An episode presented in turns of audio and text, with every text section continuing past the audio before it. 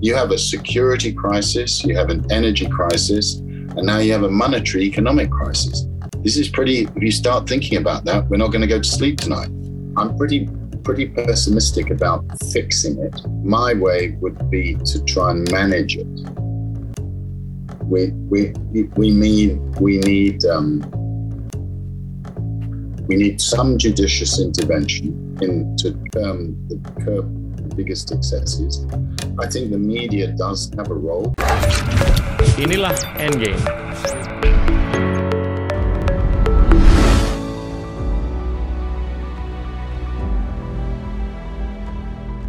Halo teman-teman, hari ini kita kedatangan Lionel Barber, mantan pimpinan uh, dari publikasi sangat terkenal yaitu Financial Times.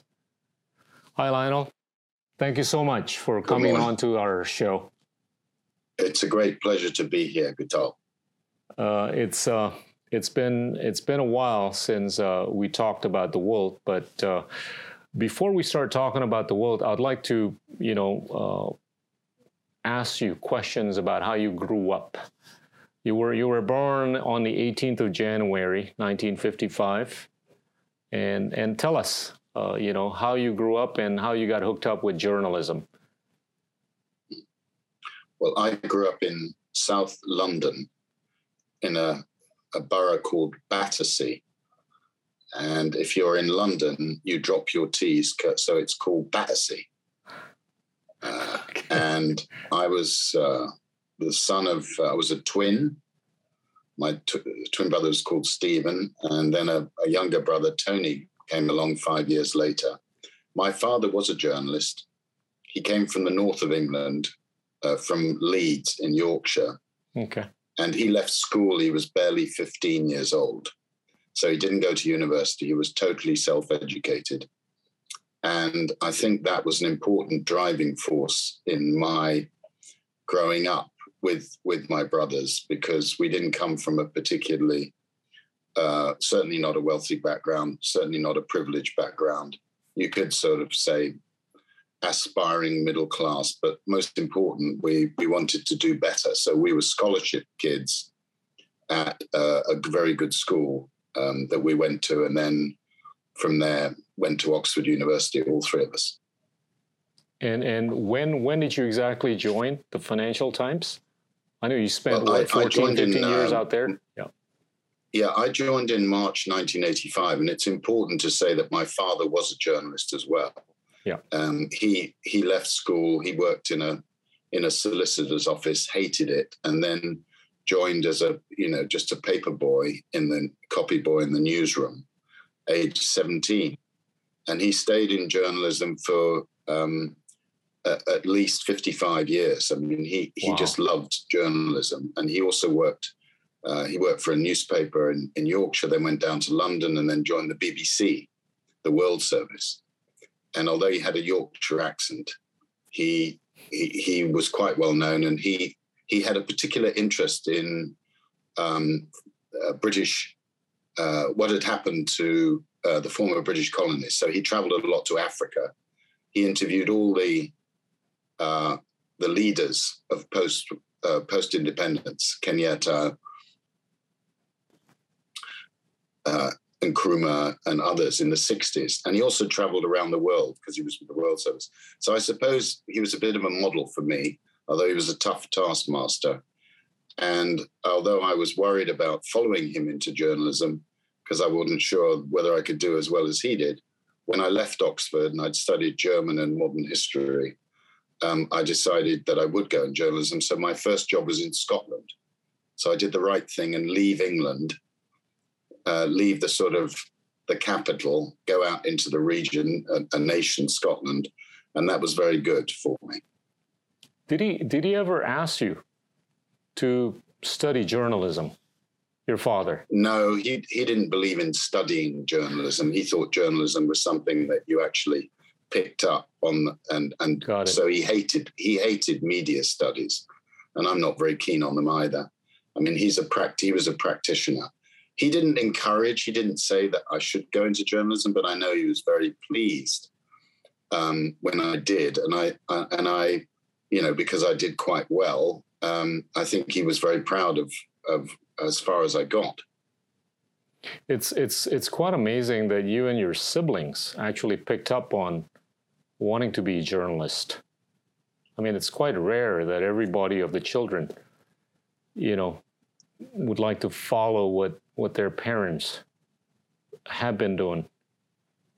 Well, my father was a very strong-willed person, and he always made us read a lot okay. as, as children. And he had the front room in our house was actually called the library because it was had so many books. It wasn't called the living room; it was called the library, and there were hundreds of books there, alongside all the artifacts and things he brought back from Africa um, on his travels. So it was a very unusual room, and I just remember. I mean, it was a bit painful sometimes reading these books, but um, I think he instilled in us a desire for greater knowledge because that's what had transformed his life and that was probably one of the reasons that we um, that we did follow. My brother, my twin brother, did write, and he did contribute some newspaper articles. But in the end, he went into the city of London, and and did rather well.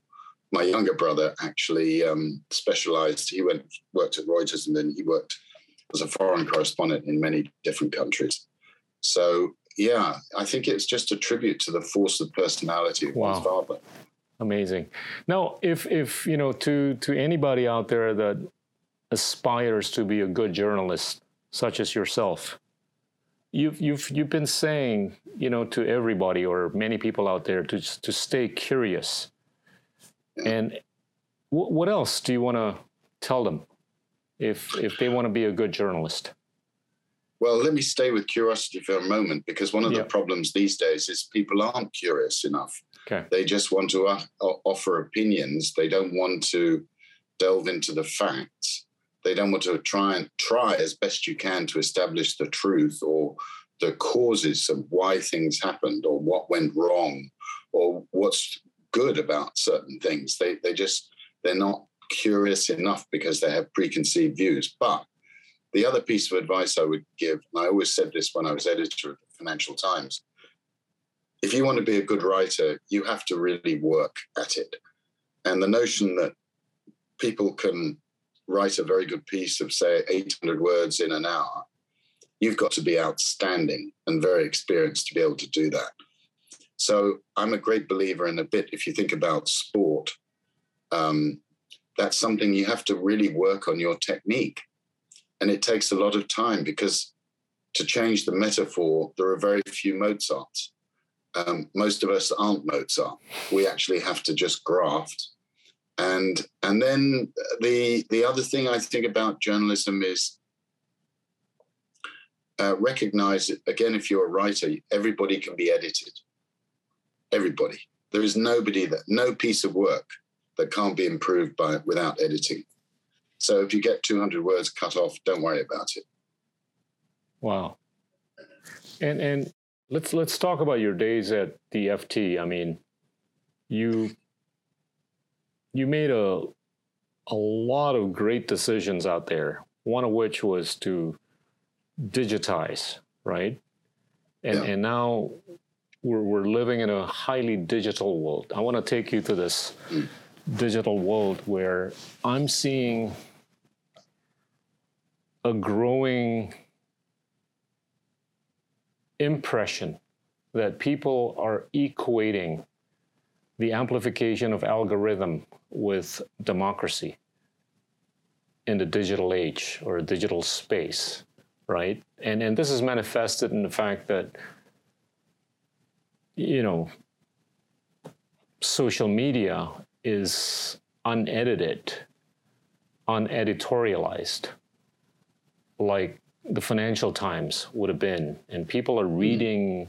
I mean, more than a billion people, you know, get to write anything without being editorialized, as opposed yeah. to the Financial Times, uh, which yeah. is a lot less of readership, uh, a lot less of a writership. Uh, how how do you see this evolving going forward? Well, let me unpack that just a bit. I think there's some important context. When I became editor and I was 50, um, I didn't expect to be the editor, but I was working in America. I'd worked in America for more than 10 years. I was a very experienced um, writer and foreign correspondent. I've been six years in Brussels as well. I'd worked in Washington, end of Cold War, then in New York, where I'd worked, um, you know, running the American operation. And so I came to the job of executive editor with a certain amount of experience, and that does help a lot. And I came to a newspaper, an operation that was in some trouble. We'd lost a lot of money in 2000, by 2005. And one of the reasons was that we didn't have a, a sustainable business model. We were overly dependent on print advertising.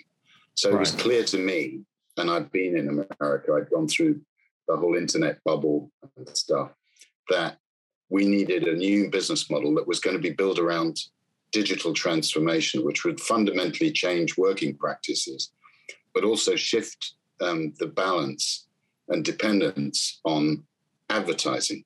So we essentially went for a subscription business.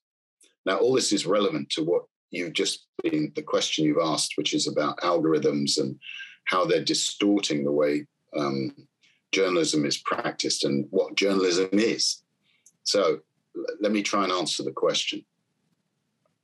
First of all, with newspapers, you had a highly curated process.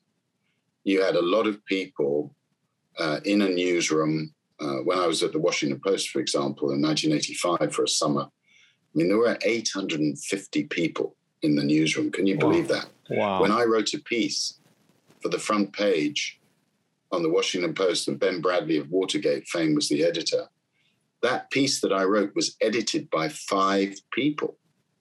Can you imagine? I mean, it was so carefully curated. Now, all that, um, um, those backstops, sure. insurance policies, they've gone. People just kind of put it out there. Um, even in news organizations, in the hollowed out news organizations in America, in addition, the whole media ecosystem is fragmented because the barriers to entry have disappeared. Mm. So anybody can set up a media setup. It doesn't right. matter. So there's no control.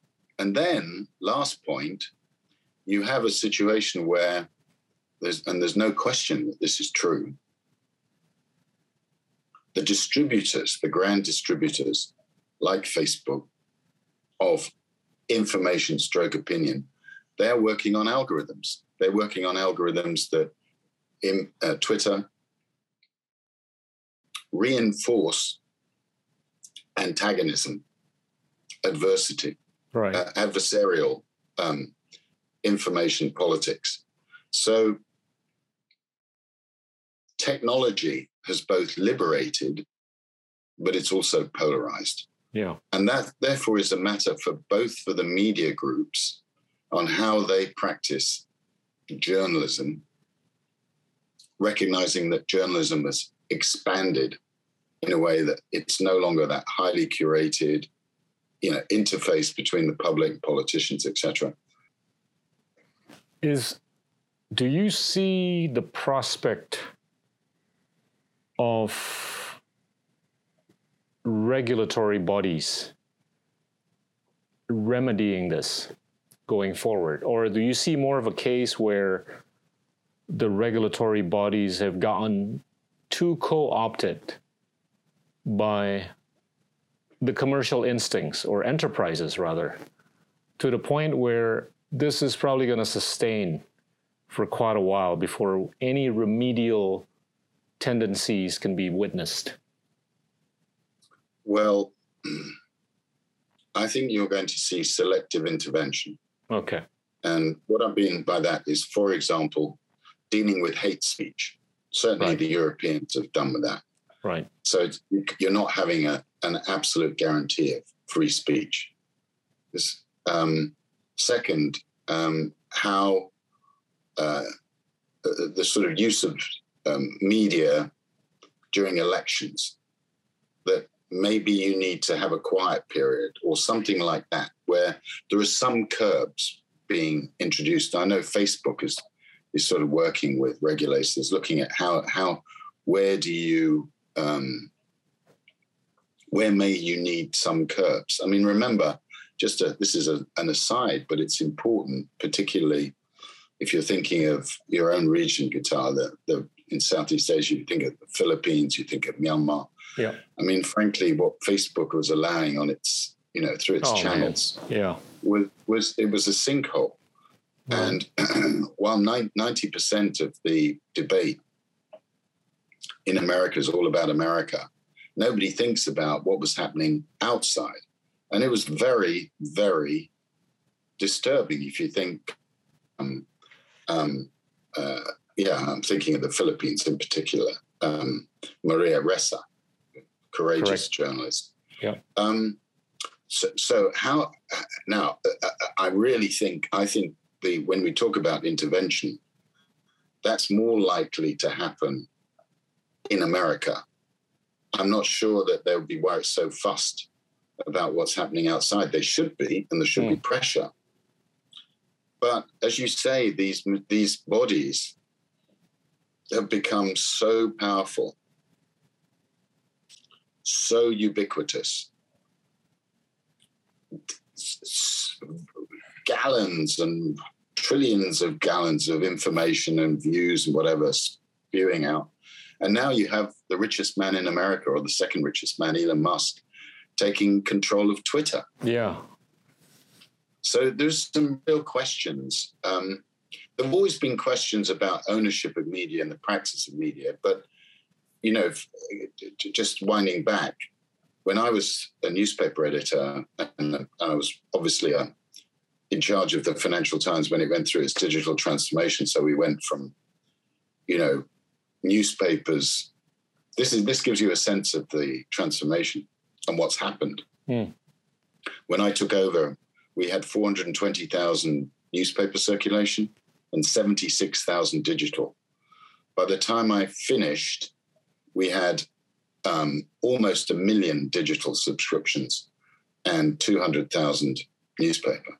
Let me let me ask you about Elon Musk with respect to his acquisition of Twitter. Is that net good or net not so good for democracy well, I think there there need to be a number. There, there, there need to be some serious questions asked. Um, but we we don't know. We won't know until we see how he what he wants to change and how he behaves. The questions. Uh, so first of all, to stop the transaction would have been quite difficult, right? Because he was offering a very generous amount of money to the shareholders. So to then you don't have a fit and proper test for media ownership in America. You do have that in Britain, but you know he he made a cash offer, largely cash offer. Um, I can't actually. I think yeah, largely, uh, but but it was generous, so it was very difficult to stop it. Yeah, yeah, very very difficult to stop it. Question now is, given that he is such a ferocious and prodigious tweeter, and he's definitely he's got into trouble with his tweets, which have been seen as um, market moving, right, and breaking securities laws. He got in trouble. I think he got. I think he got fined. I'm trying to remember, but certainly he got into trouble for his use of tweets about taking the company Tesla private. If you think that you have somebody who's clearly fluent in the medium. He's the richest man in America, and he's in charge. God knows well, he, the, the opportunities for abuse um, are significant. What happens if he starts taking down or ordering any tweet that's critical of himself? On the other hand, right? on the other hand, I think it, it's pretty clear that Twitter did not um, evolve as uh, with enough innovation. It is an underutilized, underexploited medium. Right. They were very slow, for example, to use moving image. They were just fixated with this 140 character. And then, oh my goodness, it was a big revolution when they moved to 280 characters. Um, uh, you know, th- this is a medium which can certainly evolve, and and let's see what he does. is is there any credibility in what he's been saying with respect to, you know, he's trying to get rid of the bots, spams, and all those things, and trying to bring people more towards the center, as opposed to allowing them to stay on the fringes? I think there could be, and and there's no question because uh, I'm I'm I do I'm on Twitter, yeah. and uh, for my sins, so and I, yeah. I, you know I enjoy it, but you know suddenly I remember at least two or three times I've been sitting one month waiting for my followers to go up, and they've been just constantly being chipped away at, and it's clearly all the blood, all the bots are being um, um, flushed down the water closet. Yeah. Yeah, so so clearly there's a there's been a lot of um, questions about bots, and I think he will deal with that. By the way, there's another broader point, Gita, that is is interesting. Um, there's some massive questions about the legitimacy and credibility of digital advertising. Right. I mean, the way in which um, figures and audience figures have been exaggerated around who's watched looking at the ads big questions about that. It's I a see. bit of a scam, frankly. Hmm. But so I think that's also part of the bots package. Yeah. I want to I want to ask you a conceptual question with regards to you know I've been raising this a few times in the past with regards to the paradox of democratization of information vis-a-vis democratization of ideas you know we, we have tremendously many more types of disseminating information. But we can't seem to see the creation of ideas in the number that we have seen in the number of the dissemination of information. The, the, it seems to be plucked somewhere. And and why why is it that you know the democratization of information has not translated into a proportional you know democratization of ideas? We we seem to well, have been seeing polarization of ideas in many places around the world yeah well one of the reasons is that we've stopped listening to each other. Yeah.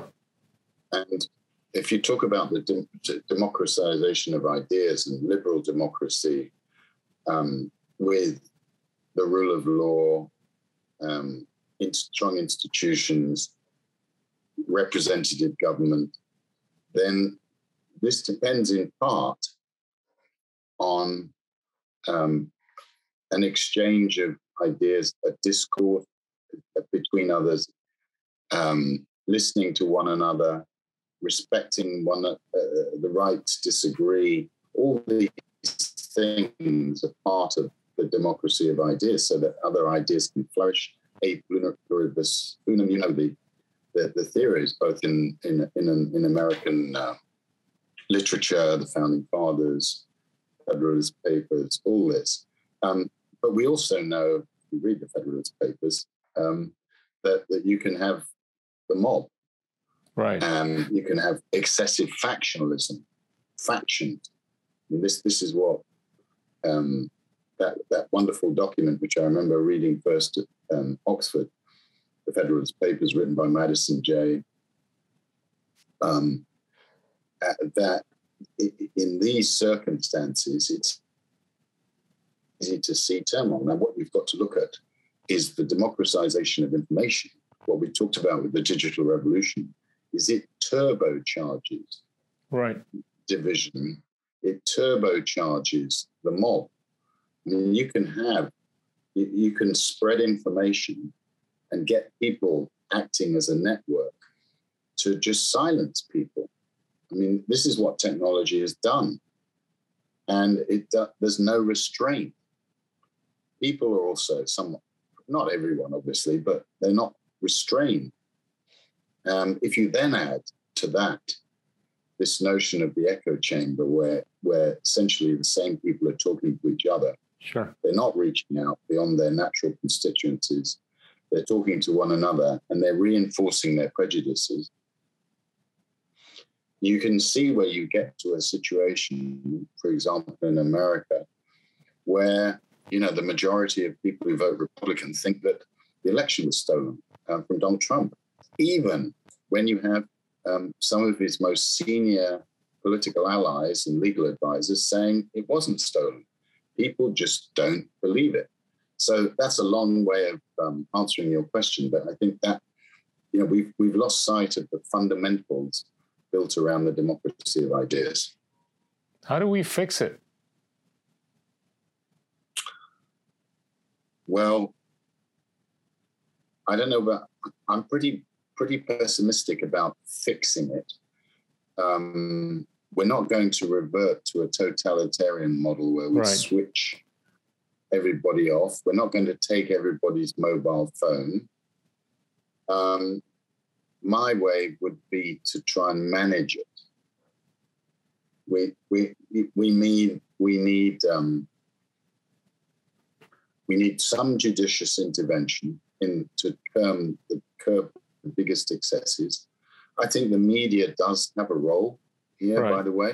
Okay. I mean, they can't be having their business model skewed to just the most trouble we cause, the most hysterical we get, then we're, we're, we're then we're, we're rewarded for it. That, that's a very bad position. Um, and then obviously the politicians have a certain responsibility, but you can never ask too much there. Um, I don't. I I, I think it's about managing it, not fixing it. Yeah. Well, you know, we live we live in an age where you know the average person looks at his handphone for nine hours a day. You think looking yeah. at their handphones for four hours a day would help depolarize conversations? Yes, I do. Right? I mean that that could uh, be I a do. practical. I, mean, I look at my phone. Yeah. Yeah.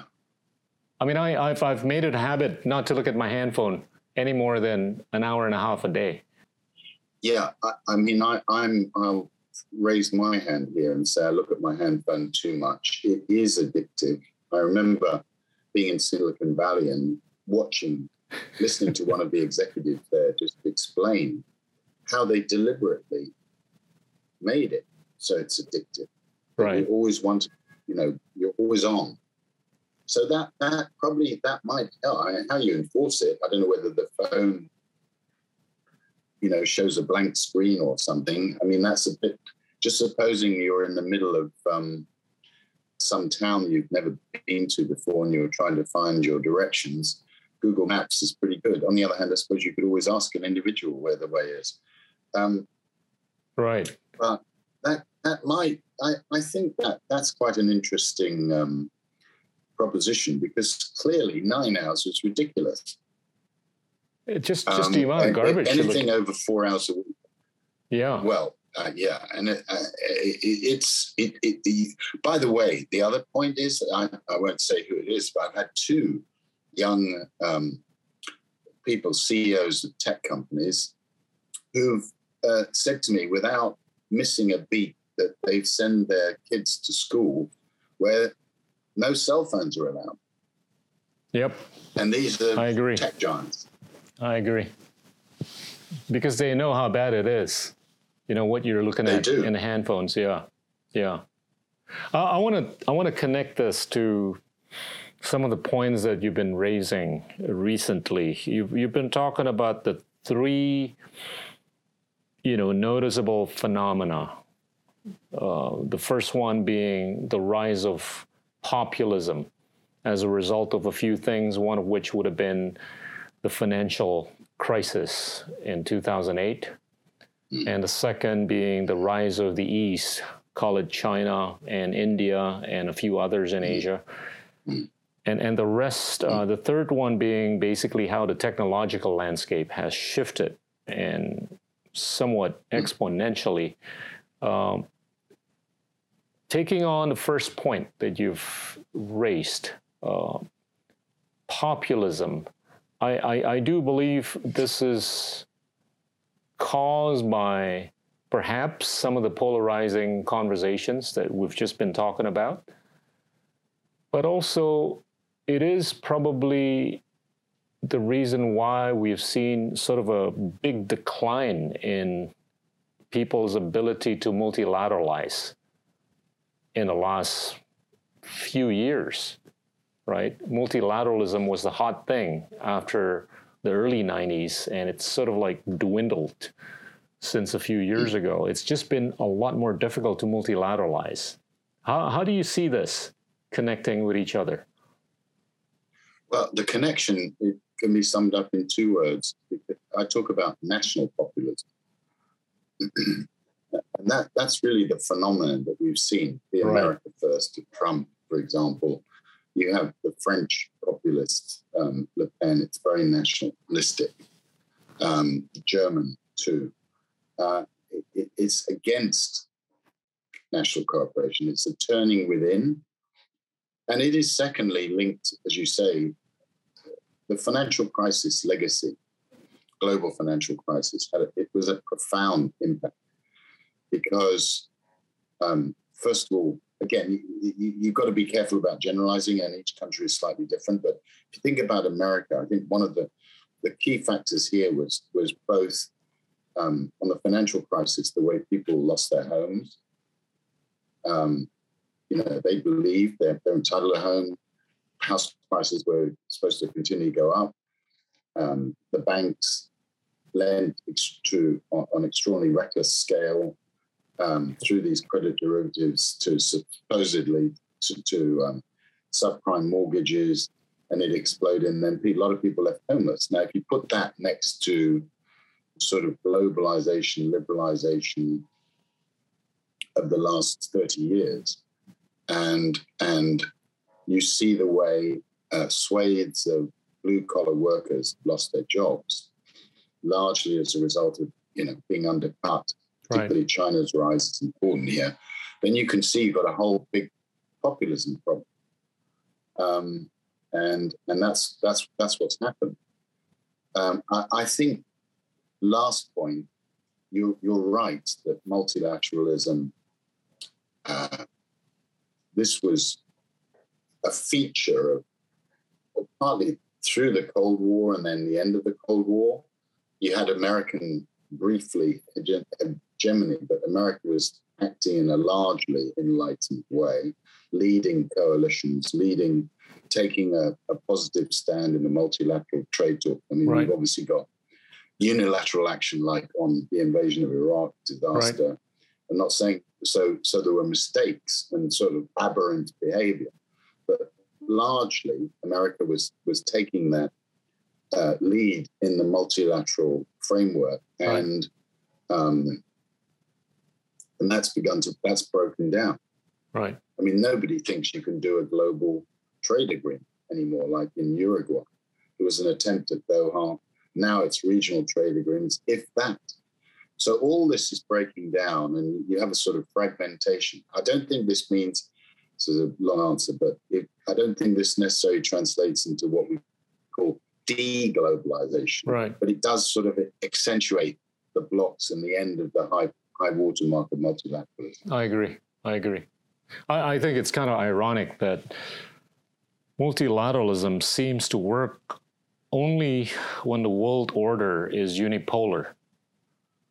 But you know, when the world order becomes multipolar, multilateralism becomes less easy to implement as a result of which you know regionalization or regionalism kicks in. And that's what we're seeing in at least my part of the world and some other parts of the world. Indeed. I mean that links to the rise of the east. I mean clearly there are some some of the multilateral institutions that we've seen uh, were the, the order that was set up largely under American direction and leadership after the end of the Second World War. That's a, that that's having to adapt now. Some some of it um, is actually getting a new lease of life. So if you think of NATO with the invasion of Russia's invasion of Ukraine, NATO is now going to expand. You're going to include formerly neutral, long-time neutral Sweden and and fin- uh, Finland. which was also neutral, sort of in in practice, if not in. Uh, anyway, so those two will come in. So that's that's that's that. But um, you're you're seeing as well um, other new institutions like the Asian Infrastructure um, right. Uh, Development Bank, um, um, China making it clear that it's not with just fitting in to an American-led order, and therefore um, new uh, new groupings, China playing a greater weight. Things are changing. Uh, you, you mentioned a few things there. One of which is the Ukraine invasion, and and I want to try to put this in the context of your famous interview of Vladimir Putin, uh, where he, he, told you a lot of things, I'm sure. But uh, one of the things he told you was that you're not going to be able to drink the champagne if you don't take risk. When when you heard that from him, did you anticipate something as dire as we might have seen in Ukraine? I don't think I anticipated, it would be wrong to say that I anticipated something as, as outrageous yeah. and such a huge gamble as the invasion of Ukraine, full invasion, i.e., not taking a bite more of territory. But I did leave thinking, and that's why we put it at the top of the article after this one hour, 40 minute interview. I thought this is a man who, who um, definitely is ready to take risk, who uh, wants a top seat at the table, and also is incredibly um, bitter, embittered, and feeling that Russia hasn't been treated properly, and it's time for Russia to come back. And you know, you can see then. Maybe I should have thought more about. Well, if you think about what he said about champagne, you think about the Munich speech in 2007, um, oh, eight, sorry, 2008, yeah. Invasion of Georgia. Mm-hmm. You think about the seizure of Crimea. You think of the intervention in Syria. It's all part of a pattern. Well, what what do you think will happen with what's happening in Ukraine? I mean, I think they're going to fight for quite a long time more. I mean, you know, at least months. They may have a brief pause when it, the weather gets worse, but right now it's a full scale battle for territory. And both sides, Russia desperately trying to take the whole of Donbass and Luhansk, the two se- separate breakaway, well, so-called breakaway republics, link them to Crimea. Um, I think he's at least put on hold any hope that he originally had. He clearly did have to just topple the regime. And they clearly thought they could knock out uh, Kiev, knock out the leadership, arrest Zelensky, put him on trial, whatever. Uh, that that Maximus goal is that to, and linking it, by the way, also to Belarus, neighboring Belarus. Um, uh, I think that's that's they were defeated in the first three weeks. Um, so this is all about control of territory in the east and linking it with the south. From the Ukrainians' point of view, it's inflict as, as much, much many casualties as possible, try and stop that linkage and sort of bleed Russia to the point where they might be prepared to come to the negotiating table. And that's when we have a whole set of other questions. But right now, and I've been told this both on both sides from information that I have, that both Putin and Zelensky has made it clear that they have no intention, that it's all about fighting. Everything is about fighting. And it could go on for a long time. Do, do you see this potentially escalating to a different nature of war? Well, uh, there is a risk of escalation. Uh, you, you, we've just seen this week that the exclave, as it's called, because the territory is not within Russia, it's actually the, called Kaliningrad, where that's um, inside Lithuania, or uh, adjacent to Lithuania, um, and Lithuania standing between Kaliningrad port, that little area, and Russia. Um, this is where the Arctic Fleet, uh, uh, sorry, the uh, Baltic Fleet of Russia is located and the Lithuanians um, imposed what they say is in line with the EU sanctions the transit of Russian goods to um, via Lithuania. That's including steel, God knows what, 40, 35% or so of Russian exports. Now, if they try and, if it looks like they're trying to starve Kaliningrad, I mean, this could easily escalate. Wow. And I think, um, I think probably it'd be interesting how that plays out. It's one to really watch.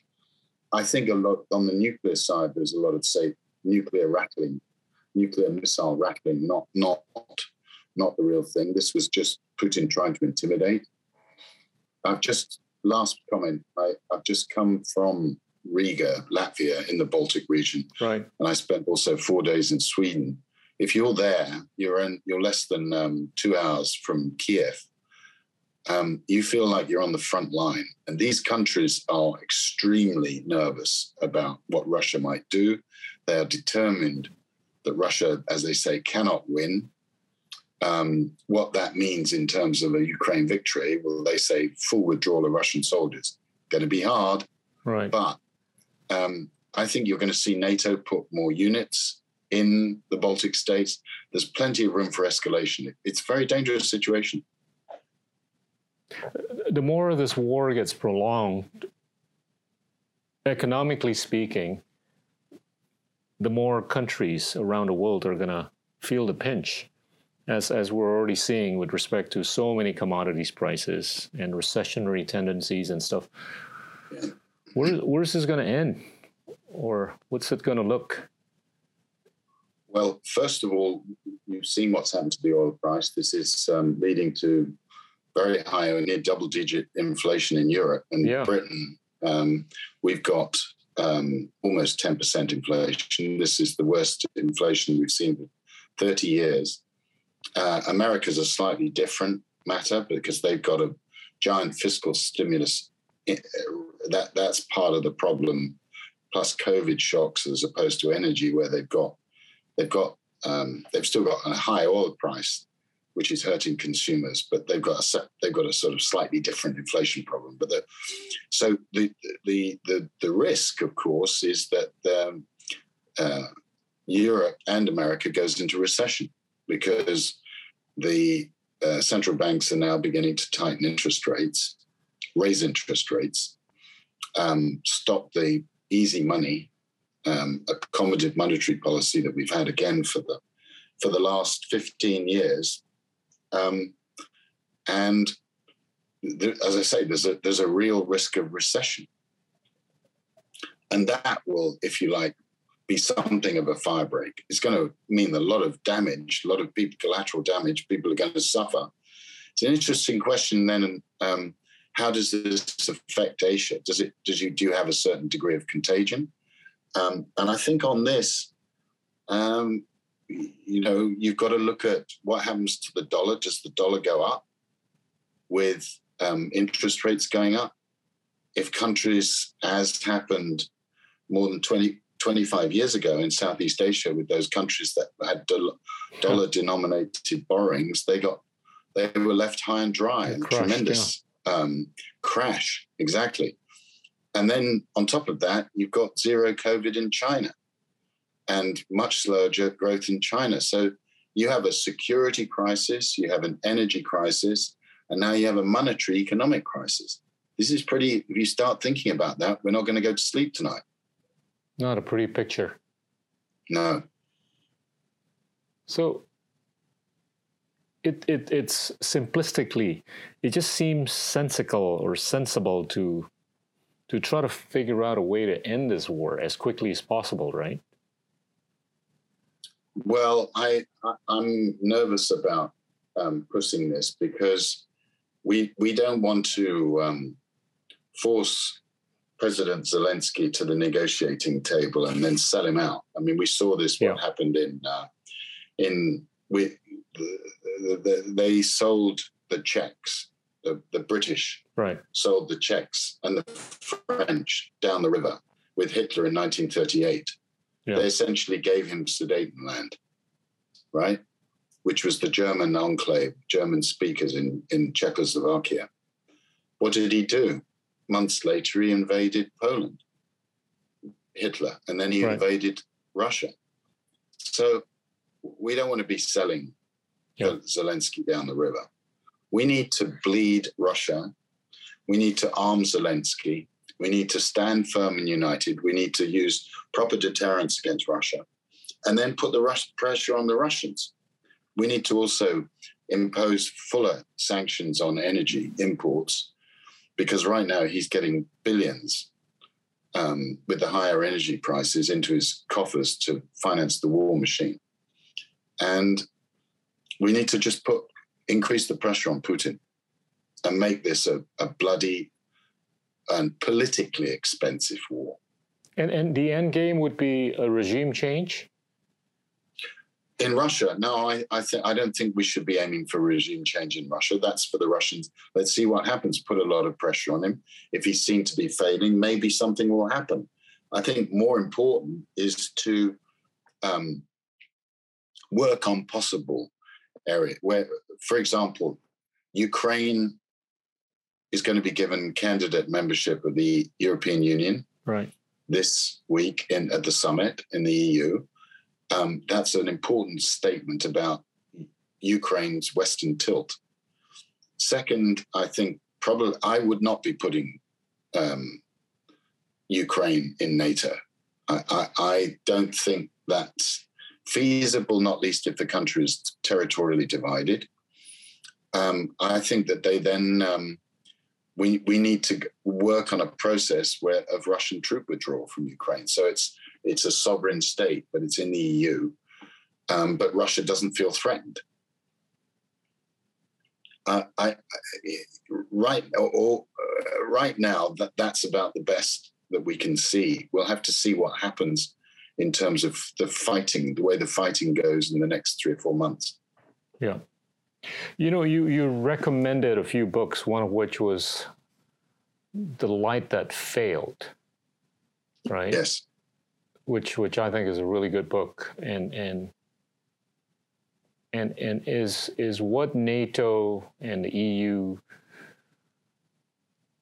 are doing sort of like an assertion that liberal democracy has to stand strong in the context well, of what, the light that failed is the book by Stephen Holmes and Ivan Krastev, who's a Bulgarian, right. which is a, a, kind of critique of of how the EU and to a certain extent America tried to export their sort of liberal democratic model right. across around the world, and the natural um, reaction um, in certain countries. I mean, it starts Poland, Hungary, then moves to Russia, and then China.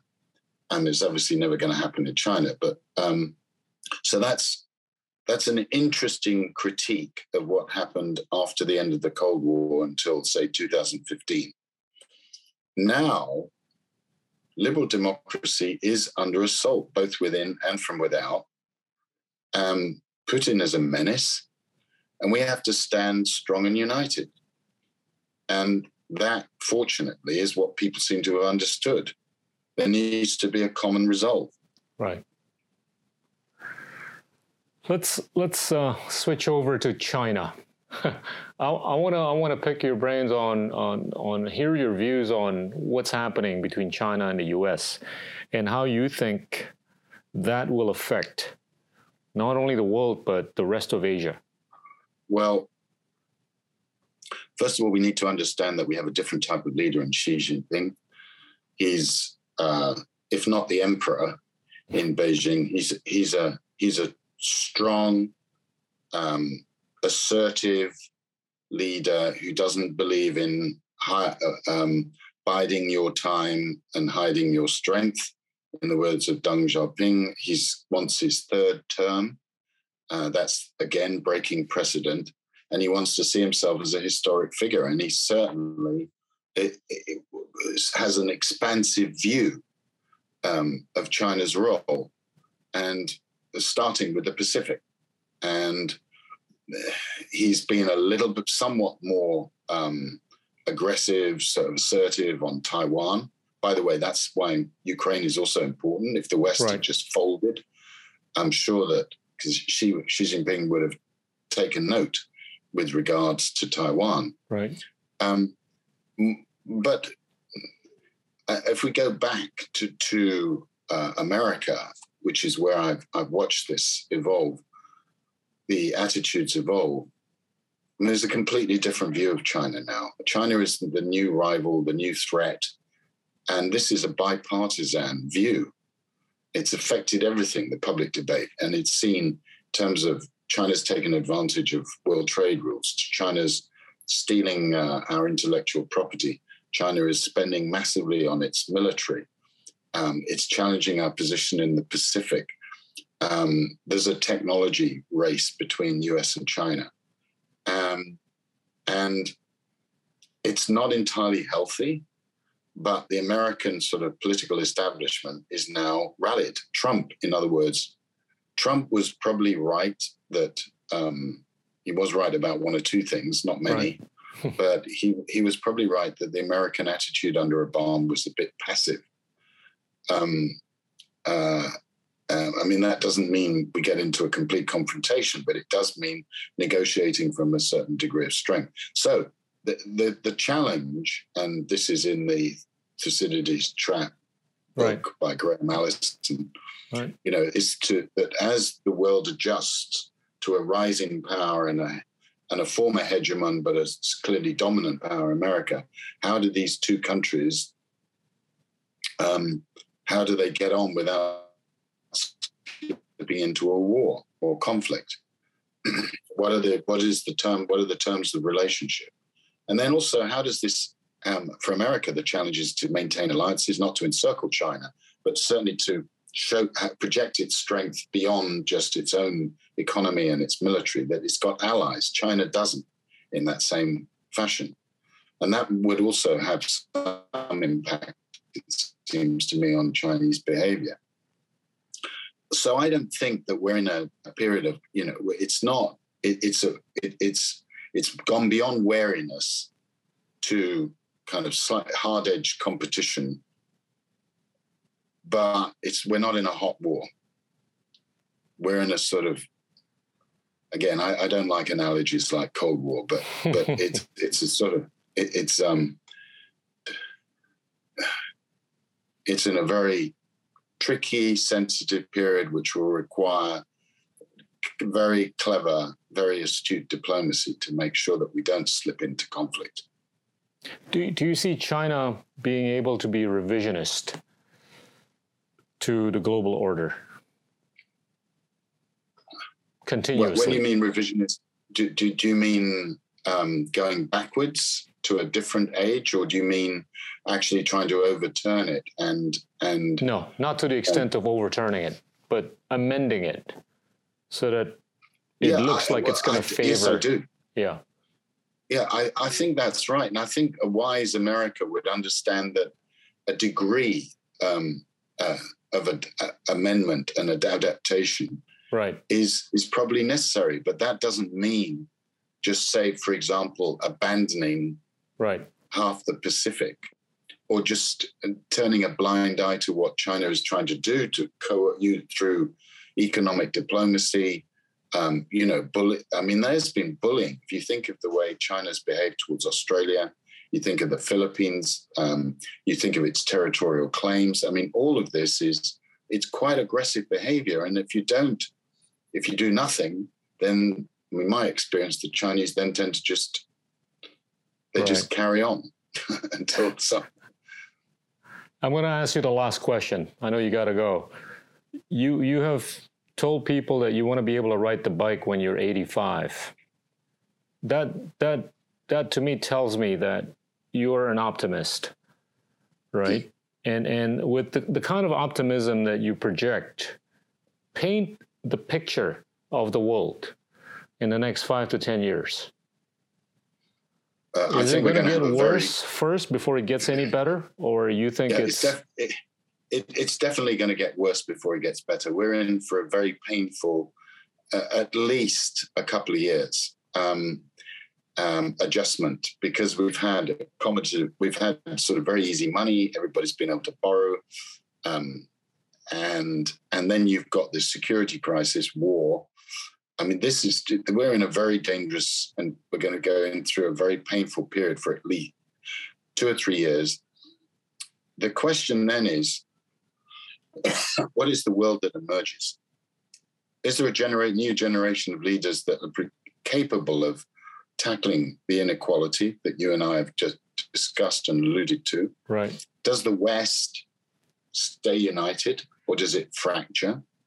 Does populism um, continue to take ground in Europe? Um, and then America. I mean, we we we have 2024. What's going to happen in that election? I'm just a very old-fashioned person. What happens in America is so important for the rest of the world. I agree. I agree. Can I ask you one more last question? Yeah. As as a media or former media guy, do you see the media becoming more of a monopoly or balkanized or democratized? No, it's bulk. It's balkanized. You're going to have you're going to have a, a, few dominant news brands. Right. You know what they are: Financial Times, Wall Street Journal, New York yeah. Times, Washington Post.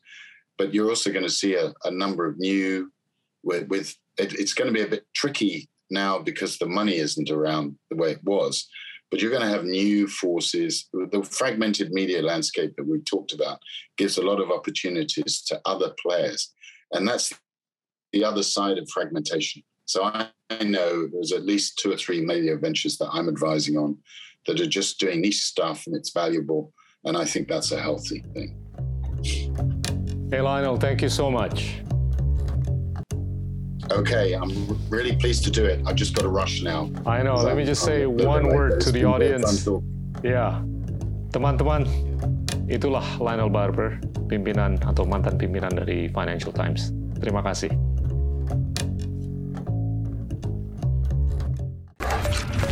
Inilah Endgame.